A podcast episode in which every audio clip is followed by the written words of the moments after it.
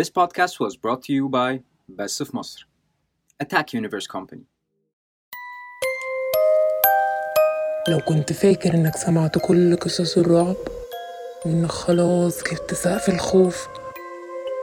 كل اللي سمعته في الموسم الأول كان مجرد بداية. حواديت نص الليل الموسم التاني. الخوف لسه في أوله.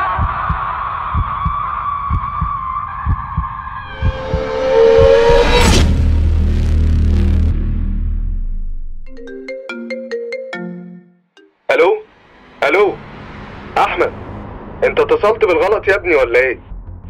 حاتم حاتم الحقني أنا بموت.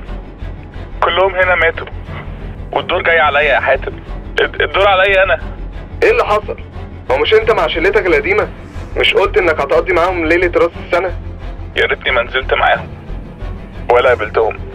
الحكاية كلها بدأت من كام يوم. لما كريم بعت على جروب الواتساب بتاعنا وقال إن عنده فكرة غريبة لرأس السنة السنة دي. طبعا تسمع عن بيت عين الحياة صح؟ بيت عين الحياة؟ مش ده البيت الملعون اللي كانوا بيحكوا لنا حواديت عنه وإحنا صغيرين؟ هو المكان ده حقيقي أصلا؟ حقيقي يا حاتم حقيقي. كريم قال له إنه لقى ورق عند أبوه يوصل للبيت ده. معرفش بقى خريطة ولا ولا ورق. جابه منين؟ بس إحنا كلنا اتحمسنا. وأنا أولهم. قال إن قال إن إيه هيبقى أحلى من إن إحنا نقضي أول دقايق من السنة الجديدة في بيت أشهر عفريتة في طفولتنا. ست عين الحياة. الحكايات عنها زمان كانت تشيب يا حاتم. في اللي اتحرق هو وعيلته لما دخلوا بيتها. وفي اللي اتجنن وقتل عياله لما بس شاف ال- الشبح بتاعها. اتجمعنا النهارده العصر. ورحت أنا وكريم وأميرة بعربية وائل صاحبنا للمكان اللي فيه البيت. عارف عارف يا حاتم لما يبقى لما يبقى جواك إحساسين عكس بعض. إحساس بيقولك بلاش وإحساس بيقولك يلا. أنا كنت بعدت عن السكة دي يا حاتم.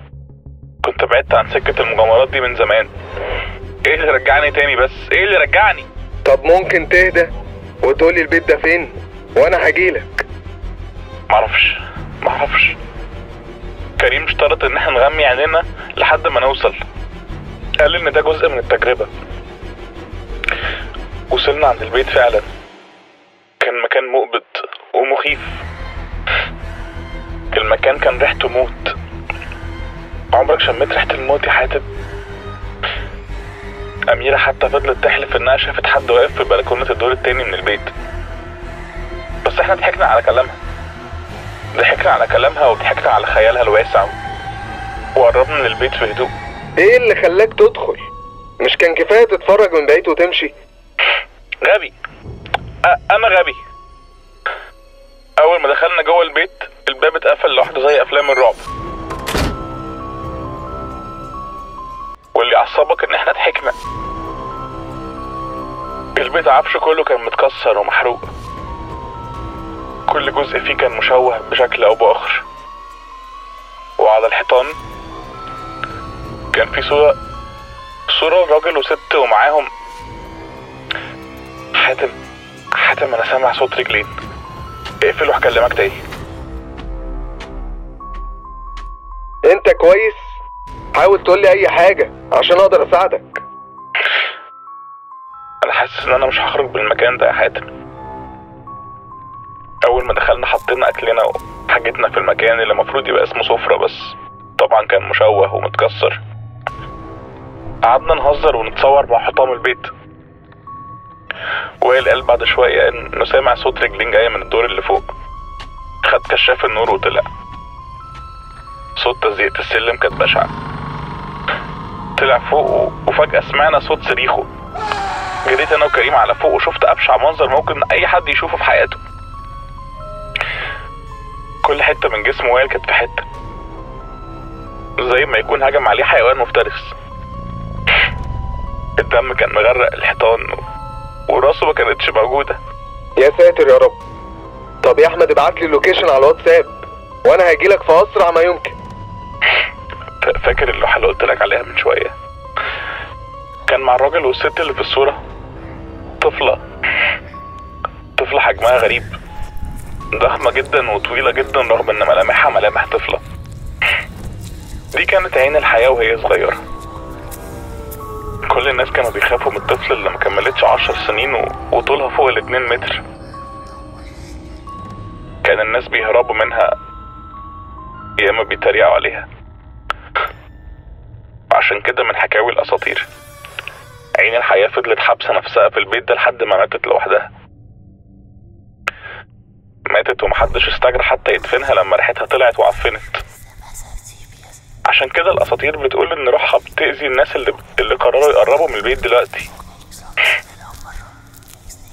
الأساطير بتقول إن الناس اللي بيقربوا من بيتها في موتها وما كانوش بيقربوا من حياتها. أنت ليه بتحكي كل ده دلوقتي؟ بقول لك ابعت لي اللوكيشن. هم دول الناس اللي هيتلعنوا طول حياتهم. ده إذا عاشوا أصلا.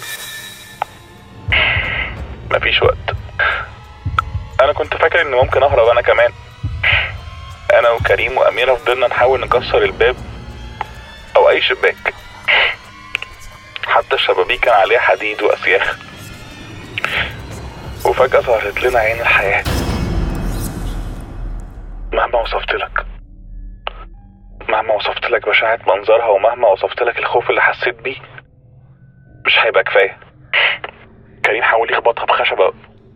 كان بيحاول يكسر بيها الباب بس مجرد ما قرب منها بدأ يتحرق. شفت كريم بيسيح قدام عيني ومعرفتش أعمل له أي حاجة. جريت أنا وأمير على الدور التاني ظهر لنا فوق الميت كلب وقطة. ب- بس ما كانوش كلاب وقطط عاديين كانوا كانوا هياكل عظمية. الحواديت الحواديت بتقول إن إن, إن الحيوانات دي بيحموا البيت من أي غريب. الحواديت بتقول إن الحيوانات بس اللي كانوا عايشين مع عين الحياة وبيعملوها بلطف. الحيوانات دي بتنتقم بتنتقم من أي حد بيحاول يقرب من البيت. أنا حاولت أفضل ساكت اما أميرة وال- وال- واللي عندها فوبيا من القطط بدأت تصرخ بشكل هستيري. وهي ثواني والقطط والكلاب بدأوا يقطعوا في لحمها. بدأوا يقطعوا فيها بشكل مرعب. وأنا زي الجبان سبتها وجريت. ما عرفتش أساعدها. ما عرفتش أساعد أي حد فيهم. كلهم ماتوا. كلهم ماتوا يا حاتم. كل اللي حصل ده غصب عنك يا أحمد. لو سمحت قول لي انت فين. أنا ك... أنا كان عندي أمنيات كتير السنة دي. ودلوقتي أمنيتي الوحيدة اني إني أعيش. عين الحياة رغم إنها مخيفة ومرعبة وشكلها يشبه الموت الا انها قالت لي إنها تنفذ لي طلبي. قالت لي إن الدور جه عليا عشان أبقى الملك الجديد للقصر. جه الوقت إني أوهبها روحي. وست عين الحياة اللي ياما خوفت ناس ترجع تاني. ترجع تاني بروح أصغر وأقوى. تنتقم من كل اللي أذوها زمان. كلهم. أحمد! أحمد! ألو! أحمد!